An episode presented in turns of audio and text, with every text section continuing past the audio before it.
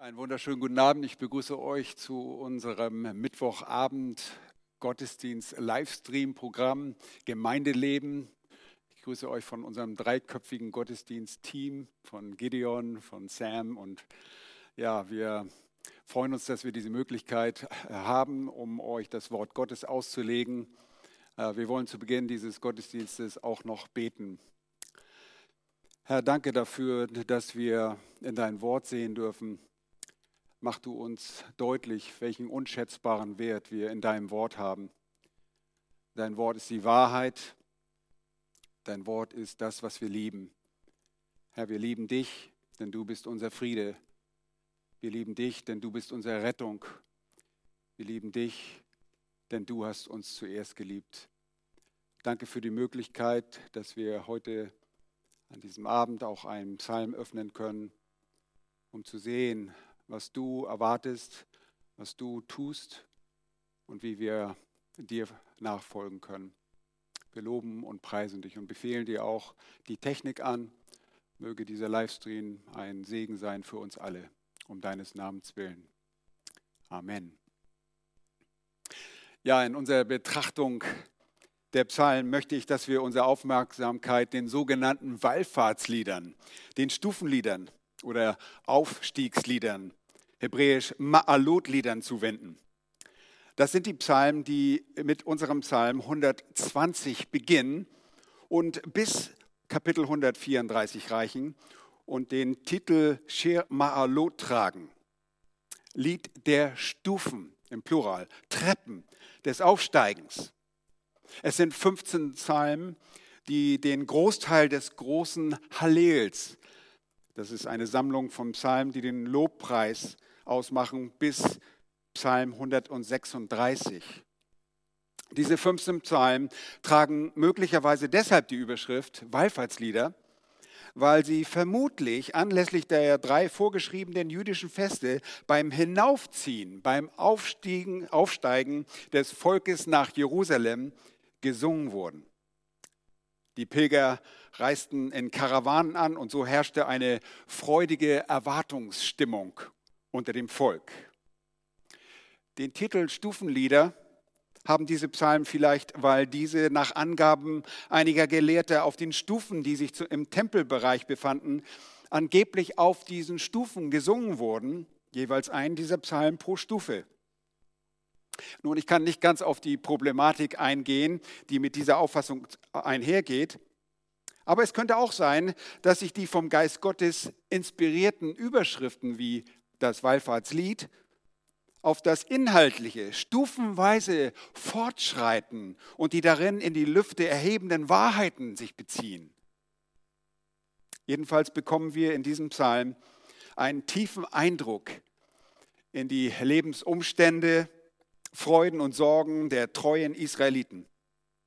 Und wir beobachten ihr Denken, erleben ihre Erfahrung, sehen Erfreuliches und Nöte nebeneinander und erhalten Einsicht in ihre Beziehung zu Jahwe, ihrem und unserem alleinigen Gott. Speziell werden wir bei der Betrachtung des Seelenlebens der gottesfürchtigen Juden verstehen lernen, wie sie das Leben meisterten inmitten einer ihnen feindlich gesinnten Welt. Nun sind diese Psalmen aber nicht nur willkürlich aneinandergereiht sondern der Geist Gottes hat sie in eine thematische Reihenfolge und Anordnung gebracht. Und das erkennt man bei genauester und sorgfältiger Beobachtung. Die 15 Psalmen formen fünf sogenannte Triaden.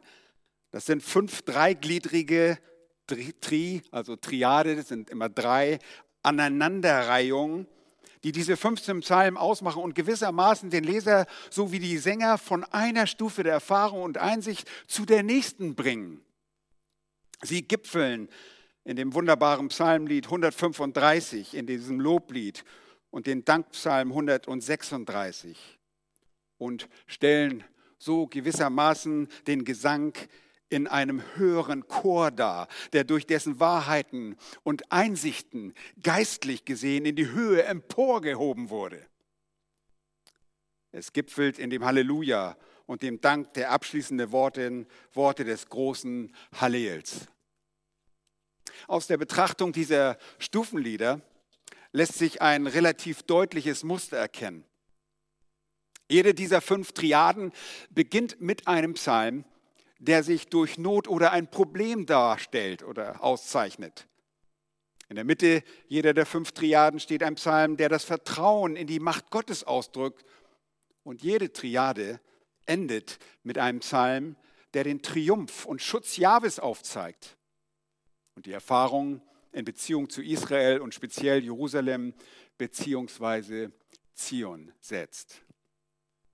Nun, im Psalm 120 lesen wir nun von der Klage eines Einzelnen, eines Gerechten, eines Gottesfürchtigen, der möglicherweise ein Mensch war, der in Mesech vorübergehend weilte und unter den Menschen von Kedar dauerhaft residierte. Beide Orte befanden sich außerhalb der Grenzen des verheißenen Landes. Der Psalmist hielt sich dort als ein Fremdling auf, Fremdling auf und pilgerte nur zu den Festen nach Jerusalem. Treu und gewissenhaft. Als gottesfürchtiger Israelit folgt er den Forderungen seines Gottes und reist zu diesen Festen nach Jerusalem. Feste, bei denen die Israeliten ihre Freude an der Gemeinschaft die, äh, mit Jahwe und Gleichgesinnten genießen konnten. Und wir erkennen in diesem Psalm das Heimweh des Psalmisten in dieser für den gottesfürchtigen, feindlichen Welt. Seine Erfahrung steht, über die Erfahrung, steht für die Erfahrung vieler und anderer, seiner eigenen Gott wohlgefälligen Landsleute, die auch so wie er empfanden und ähnliches durchmachen sollten. Aber später mehr dazu. Lasst uns zunächst den Psalm zusammen lesen. Psalm 120. Ein Wallfahrtslied. Ich rief zu Jahwe in meiner Not und er erhörte mich. Jahwe, rette meine Seele von den Lügenmäulern und den falschen Zungen. Was wird er dir geben und was dir hinzufügen, du falsche Zunge? Geschärfte Kriegerpfeile und glühendes Ginsterholz. Weh mir, dass ich ein Fremdling bin in Mesech, dass ich wohne bei den Zelten Kedas. Lange genug hat meine Seele gewohnt bei denen, die Frieden hassen. Ich bin für den Frieden. Doch wenn ich rede, so sind sie für den Krieg. Soweit der Text. Ich möchte diesen Psalm mit das Heimweh in einer feindlichen Welt betiteln das Heimweh in einer feindlich gesinnten Welt. Mit den Worten und der Erfahrung des Psalmisten möchte ich dich heute Abend ermutigen, deine Nöte, deine Probleme und Sorgen in einer feindlichen Welt vor Jahwe Gott, unserem dreieinigen Gott zu bringen. Mein erster Punkt, der aus diesem Text erwächst, ist, richte deine Hilferufe in dieser feindlichen Welt an Jahwe. Richte deine Hilferufe in dieser feindlichen Welt an Jahwe. Nun, diese Welt hat sich auch für uns nicht als ein freundlicher Lebensraum erwiesen. Und es wird dir mit Sicherheit nicht schwerfallen, dich in die Situation des Psalmisten zu versetzen. Wir leben in einer gefallenen, unter dem Fluch stehenden Welt. Schaut mit mir in den Text. Die Verse 1 und 2 sind so elementar und doch sind wir oft so töricht und vergessen die Bedeutung und Vorrechte unserer Privilegien als Kinder Gottes. Der Psalmist macht es genau richtig. Dort heißt es nach der Überschrift, ich rief zu Jahwe in meiner Not und er erhörte mich. Jahwe, rette meine Seele von den Lügenmäulern, von den falschen Zungen. Und der Psalmist war in Not. Er lebte dabei aber die Hilfe Jahwes und die Antwort. Aber war mit den notvollen Umständen offensichtlich auch noch nicht am Ende. Er schreibt deshalb von seinem Notruf, seinem Rettungsruf inmitten dieser schwierigen Umstände. Sein Verhalten erscheint ein großes Geheimnis zu sein oder kein, kein großes vielmehr zu sein, aber es muss betont werden. Er wendet sich an Yahweh. Der Ausdruck zu Jahwe wird im Hebräischen betont und steht gleich vorne an. Das ist emphatisch. Das ist das Erste, was in den Nöten des Lebens getan werden sollte. Das ist das, was am meisten Sinn macht. Oh, wie oft bin ich einfach im Ratgeben von Notleidenden am Ende meines Lateins. Ich hatte und habe oft keine Antwort. Und die Antwort, die Hilfe, so realisierte der Psalmist, ist bei dem sich erweisenden Gott zu finden. Und das hatte der gottesfürchtige Israelit wiederholt wahrnehmen dürfen. Dafür steht der Name Jahwe für Treue, für Güte, für ein sich erweisen. Nöte sind für Juden in der ihnen feindlichen gesinnten Welt nichts Besonderes und nichts Unbekanntes. Ein Grund dafür, dass die Israeliten im Laufe ihrer Geschichte Not und Bedrängnis erlitten und letztlich auch aus ihrem Land katapultiert wurden, findet sich in ihrem stetigen Ungehorsam, ihrem Unglauben Gott gegenüber. Sie hatten sich von ihrem Gott abgewandt, Götzendienst getrieben. Und so begann Jahwe an ihnen durch Zerstreuung Gericht zu verüben. Er erfüllte damit die Warnung seiner Tora-Worte. Und dieses Gericht ergeht an Juden bis zum heutigen Tag. Sie sind nirgends sicher. Und für lange Zeit gab es nicht einmal ein vorübergehendes Zuhause. Kein Staat, kein Israel. Die Gottesfürchtigen wurden mit in dieses Gericht hineingegangen, ohne selbst in direkter Weise die Ursache dafür zu geben. Auch sie sind wie wir heute ein Teil dieser gottlosen Gesellschaft und waren somit Fremdlinge in dieser Gesellschaft. Der Gott Israels der alleinige Gott, unser Gott, der alles zu tun vermag, erweist sich inmitten von Gericht dennoch und immer wieder als gnädig. Und obwohl das Gericht Gottes angemessen und verdient war und ist, so rettet Gott immer noch und macht aus Gottlosen Gottesfürchtige. So ein Mann war dieser Psalmist. Er war jetzt ein gottesfürchtiger Mann, der in seiner Not an Jahwe Gott, sich an Jahwe Gott wendete und dort Gehör fand. In seiner Gottesfurcht inmitten leidvoller Umstände, die offenbar darin bestanden, dass er in seinem Lebensumfeld von Menschen eng umgeben war, Menschen, die keine Wahrheit kannten, denen Wahrheit fremd war, die ihm trügerisch in Not brachten, wandte er sich an Jahwe. Das ist so ein wesentlicher Punkt umringt und bedrängt von Menschen, die er als Lügenmäuler und falsche Zungen bezeichnete, kommt er zu Jahwe. Und er betont dort diese Körperteile, die er für diese unheiligen Worte, die sie für ihre unheiligen Worte benutzen, die unheiligen Worte dieser bösen Menschen. Und diese von ihm identifizierten Menschen sind Satans Kinder. Und das passt sehr gut zu dem, was Jesus sagt zu den Juden, in Johannes Kapitel 8, da sagt er, ihr habt den Teufel zum Vater und was euer Vater begehrt, das wollt ihr tun. Der war ein Menschenmörder von Anfang an und steht nicht in der Wahrheit. Seht ihr, sie waren Lügenmäuler. Sie liebten die Lüge, denn Wahrheit ist nicht in ihm, im Teufel, sagt Jesus. Wenn er die Lüge redet, so redet er aus seinem eigenen, denn er ist ein Lügner und der Vater derselben, so auch seine Kinder. Nun, der Psalmist erlebte das Gegenüberstehen dieser Not von Lüge und Falschheit, Verdrehung. Was auch immer diese Not im Detail gewesen sein mag, er konnte sich niemanden anbefehlen und er konnte von niemanden Rettung erwarten als von Jahwe Gott allein. Oh, wie einfach und doch so weise, sich an Jahwe zu wenden. Lieben, diese Verse haben mich in der vergangenen Woche selbst sehr ermutigt. In meiner eigenen Verzweiflung und meiner Not konnte ich mich in dieser Woche an Jahwe wenden. Er schenkt Zuversicht, wenngleich sich auch Umstände nicht ändern. Ich weiß, wenn jemand eine Situation ändern kann, dann nur er. Und wir tun gut daran, dies zu glauben. Und wir tun gut daran, es so zu tun wie der Psalmist. Richte auch du deine Hilferufe in dieser feindlichen Welt an Jahwe. Das ist nicht zu kompliziert. Jahwe antwortete, hebräisch Anna, und sollte es auch künftig für diesen Mann tun. Er wird auch dir seine Hilfe in unserer ähnlich gottlosen Gesellschaft nicht verweigern.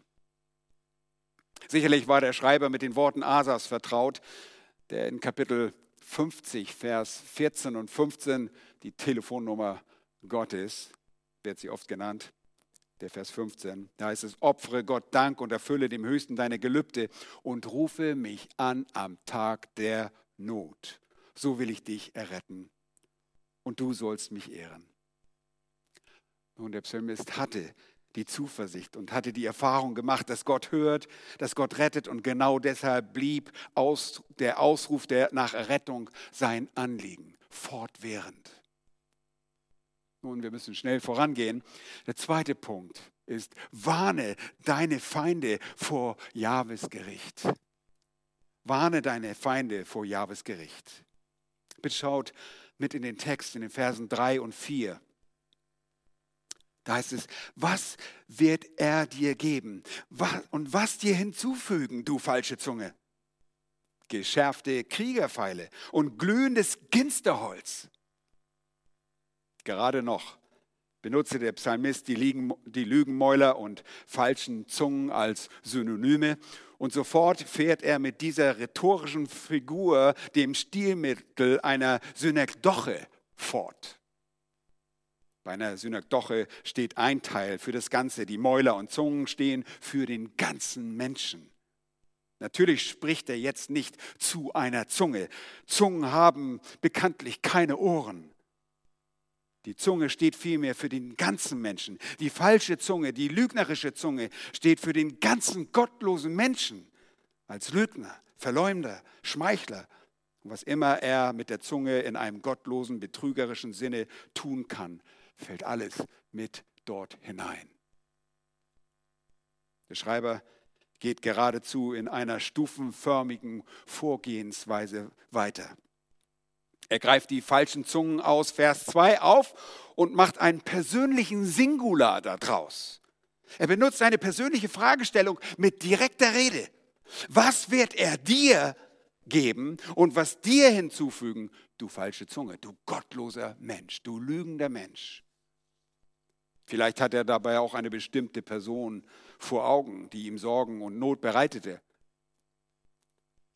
Was wird das Ergebnis dieser Verdrehung durch deine Lügen sein, ohne zu zögern, ohne mit den Wimpern zu zucken, gibt der Psalmist Antwort und benutzt dabei eine sehr interessante, anschauliche und für den Menschen jederzeit verständliche Antwort, jener Zeit. Und ich versuche euch das aufzuschließen. Die Antwort ist geschärfte Kriegerpfeile. Nun, eine betrügerische Zunge wird in der Schrift mit einem Bogen verglichen dessen Pfeile die Worte sind. In Sprüche 25, Vers 18 lesen wir, ein Hammer, ein Schwert, ein spitzer Pfeil. So ist ein Mensch, der gegen seinen Nächsten ein falsches Zeugnis ablegt.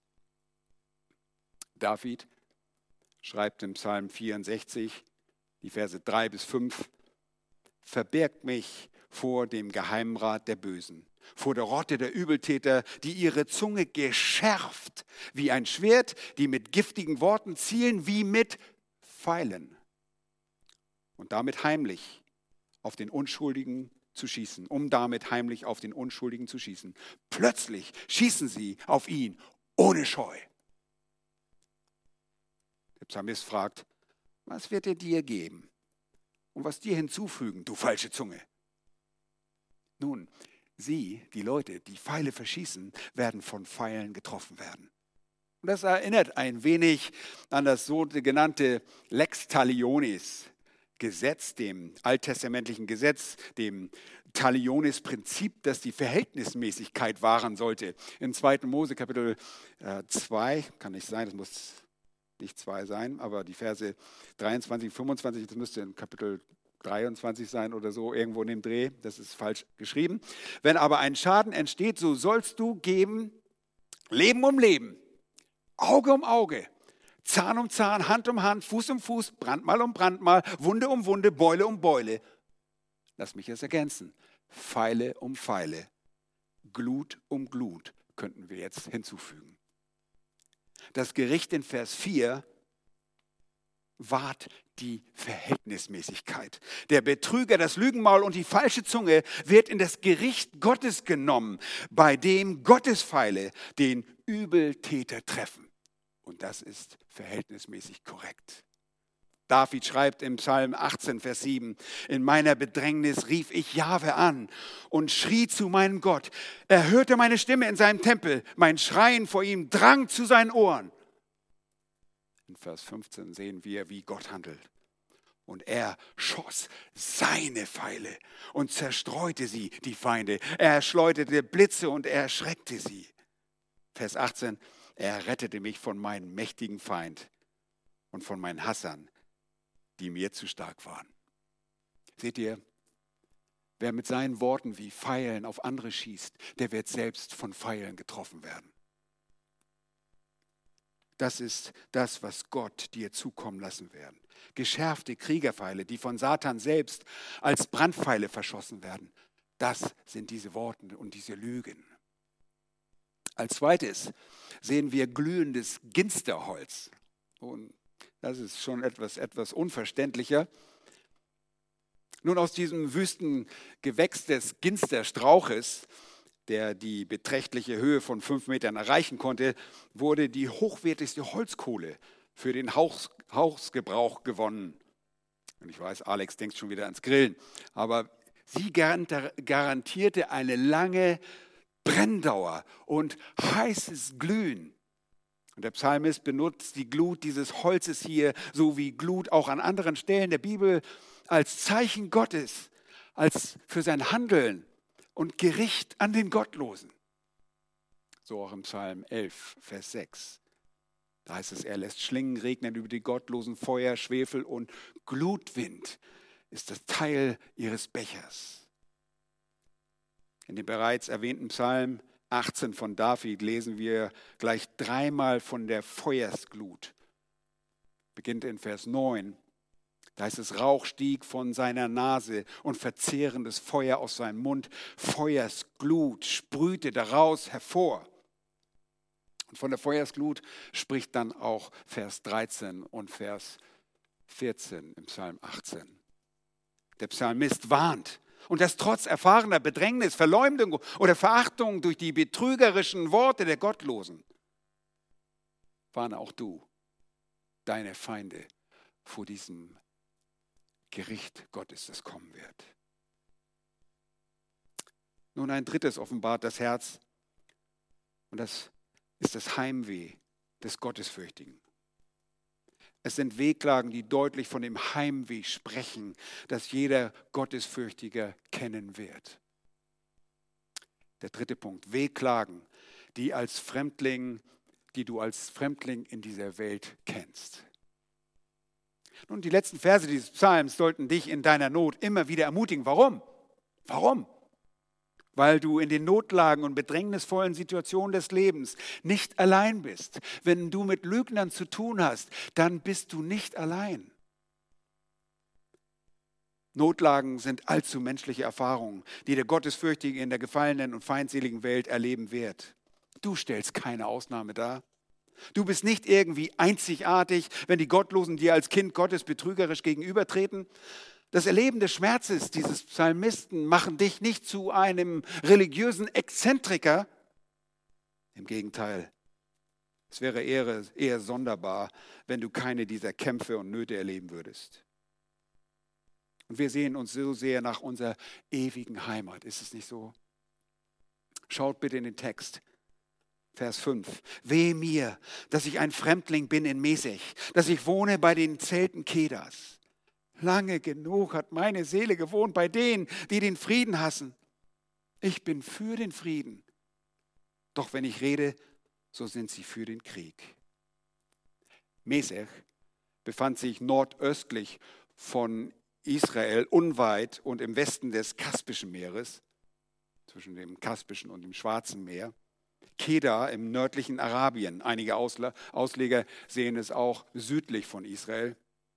Aber beide Lokalitäten lagen außerhalb des Landes der Verheißung. Mesech steht für ein Volk, das aus der Nachkommenschaft Japhets stammte. Mesech war ein Sohn Japhets, ein Enkel von Noah.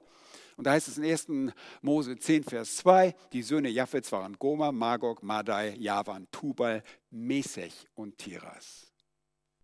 Keda steht ebenfalls für eine ganze Sippschaft, die aus Keda, dem zweiten Sohn Ismaels, erwachsen ist.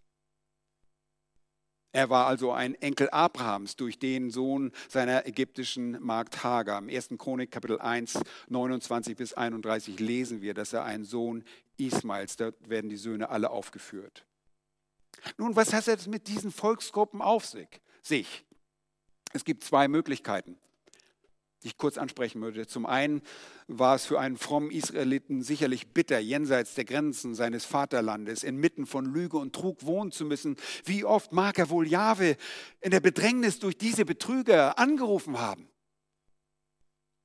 Nun, diese beiden Gruppen waren streitbare, kriegsbereite und kriegerische Menschen. Einige würden sie als kriegerische Barbaren bezeichnen. Und es besteht die Möglichkeit, dass diese beiden Sippschaften hier im Text nur als Inbegriff sprichwörtlicher Kriegsbereitschaft, Frieden hassender Menschen stehen. Diese Namen wurden möglicherweise selbst für die gottlosen Juden und für die Heiden verwendet. Auch wir als Christen leben in dieser Welt und sind auf der Reise, einer geistlichen Pilgerreise mit dem Ziel des ewigen Zuhauses. Und wir kennen dieses Heimweh. Denn unser Bürgerrecht ist im Himmel, von wo wir auch den Herrn erwarten. Nun, der treue, treue Israelit freute sich auf diesen Reisen nach Jerusalem, stets mit der Erwartung, dass Jerusalem, die Stadt des Friedens, auch sein finales Zuhause sein würde. Und das wird es auch.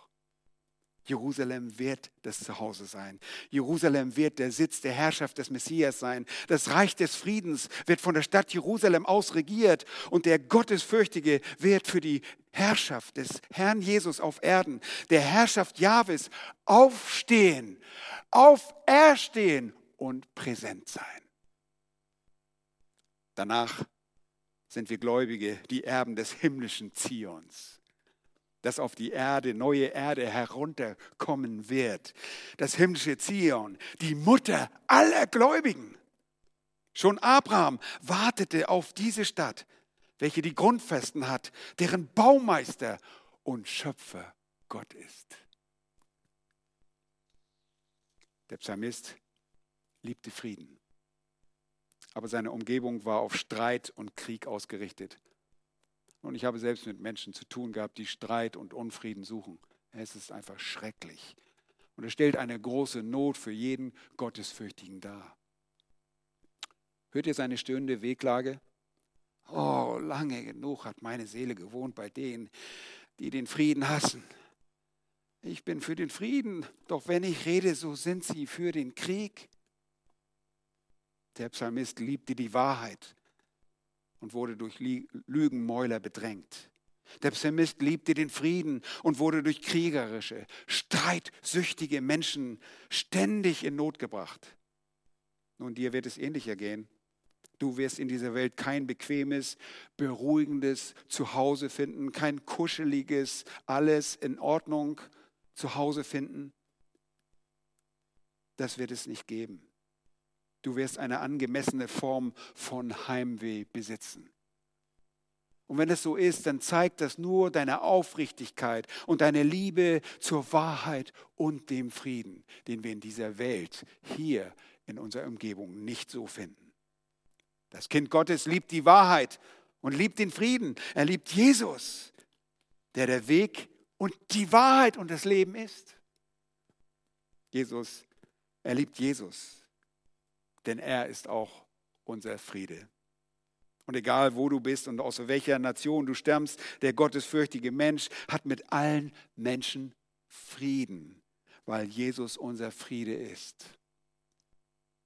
Paulus schreibt im Epheserbrief, denn er ist unser Frieden. Und er sagt dann, der aus beiden eins gemacht hat durch die Scheidewand des Zaunes, der die Scheidewand des Zaunes abgebrochen hat, indem er seinem Fleisch die Feindschaft des Gesetzes, der Gebote in Satzung hinwegtat, um die zwei in sich selbst zu einem neuen Menschen zu versöhnen.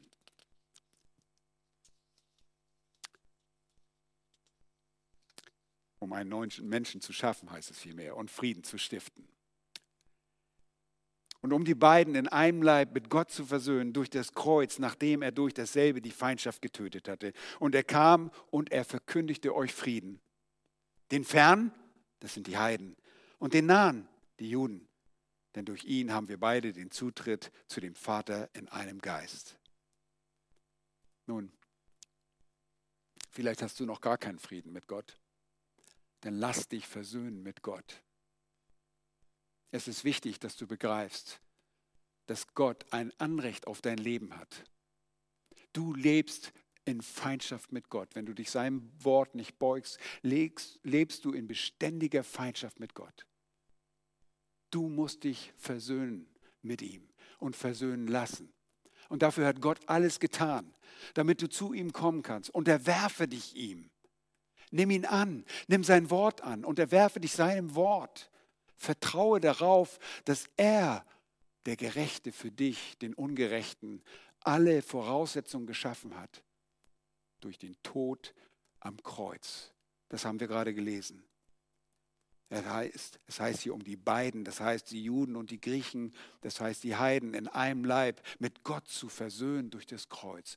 Gott hat Versöhnung geschafft durch seinen eigenen Sohn, den Herrn Jesus Christus, der am Kreuz gestorben ist den er dort gestraft hat für die Sünde der Menschen, für deine und für meine.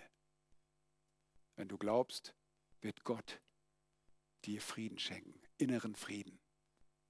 Dein Heimweh wird nicht vergehen, denn dann wirst du ein Fremdling in dieser Welt sein. Du wirst dich nicht wohlfühlen dort, wo Menschen leben und nicht die Prinzipien Gottes beachten. Du wirst dich nicht wohlfühlen. Du wirst auf einmal merken, um dich herum gibt es Lügenmäuler und falsche Zungen. Bring diesen Menschen die Warnung von dem kommenden Gericht. Erzähle ihm, dass Gott kommen wird, dass er selbst seine Pfeile aussenden wird und dass er glühendes Feuer, den glühenden, das glühende Feuer seines Zornes bringen wird. Und es ist okay, dass du Heimweh hast. Wir wollen alle zum Herrn. Und in dieser Welt ist es manchmal schwer. Aber wir haben jemanden, und der Psalmist hat es uns gezeigt, an den wir uns wenden können. Geh in deiner Not zu Jahwe. Und das predige ich mir selbst. Wie oft rennen wir zu anderen Leuten? Gehe zu Jahwe Gott. Er hört und ist der Einzige, der dir helfen kann. Lass mich beten. Herr, danke dafür, dass du uns das Beispiel dieses Psalmisten gezeigt hast, der in seiner Not, in seiner bedrängten Situation, umgeben von Lügnern, zu dir gekommen ist, den du gerettet hast und immer wieder auch als Anlaufstelle dientest. Herr, wir danken dir für die Zuversicht, dass du rettest, dass du hilfst in schwierigen Situationen. Herr, aber wie viel schwieriger ist es für diese Menschen, die vor dir eines Tages stehen müssen, diese kriegerischen Pfeile und diese Glut des Ginsterstrauches, die das illustrieren, wie dein Gericht sein wird, die dem gegenüberstehen. Herr, erbarme dich vor diesen Menschen, dass sie umkehren, dass sie sich mit auf den Weg machen zu dir, damit sie auch in deiner ewigen Heimat, in dem himmlischen Jerusalem, ihr Ende finden werden. Hab Dank dafür. Danke für deine große Güte und Gnade. Wir danken dir für diesen wunderbaren Abend. In Jesu Namen. Amen.